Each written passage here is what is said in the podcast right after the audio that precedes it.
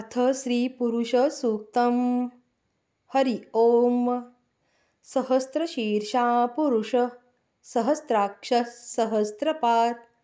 स भूमिं विश्वतोरुत्वा त्यत्तिष्ठद्दशाङ्गुलं पुरुष एवेदं सर्वं यद्भूतं यच्च भव्यम्।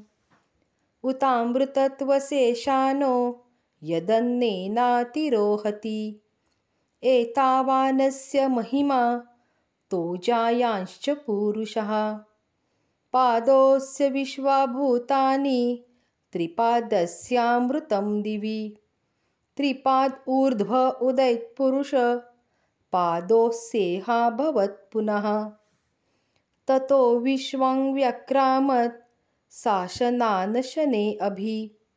तस्माद्विराळजायत विराजोऽधिपुरुषः स जातोऽत्यरिच्यत पश्चाद्भूमिमथो पुरः। यत्पुरुषेण हविषा देवा यज्ञमतन्वत।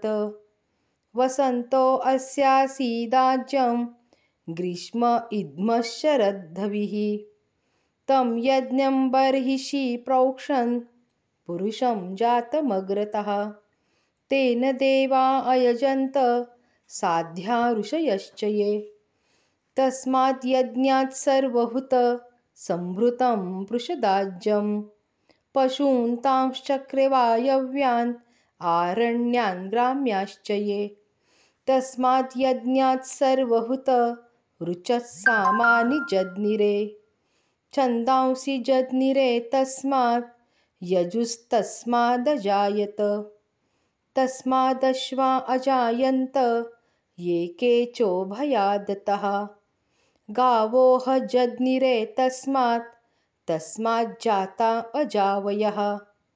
यत्पुरुषं व्यदधु कतिधा व्यकल्पयन् मुखं किमस्य कौ बाहु का उरु पाद उच्येते।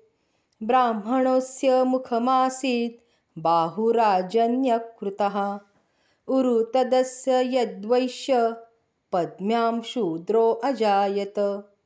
चन्द्रमा मनसो जात चक्षुः सूर्यो अजायत। मुखात् इन्द्रश्च अग्निश्च प्राणात् वायुरजायत।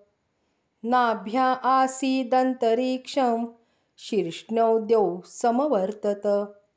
पद्म्यां भूमिर्दृशश्रोत्रात् तथा लोकान् अकल्पयन्। सप्तास्यासन् परिधयस्त्री सप्तसमिधः कृताः देवा यज्ञं तन्वाना अबध्नन् पुरुषं पशुं यज्ञेन यज्ञमयजन्त देवास्तानि धर्माणि प्रथमान्यासन्। ते हनाकं महिमान सचन्त्र यत्र पूर्वे साध्याः सन्ति देवाः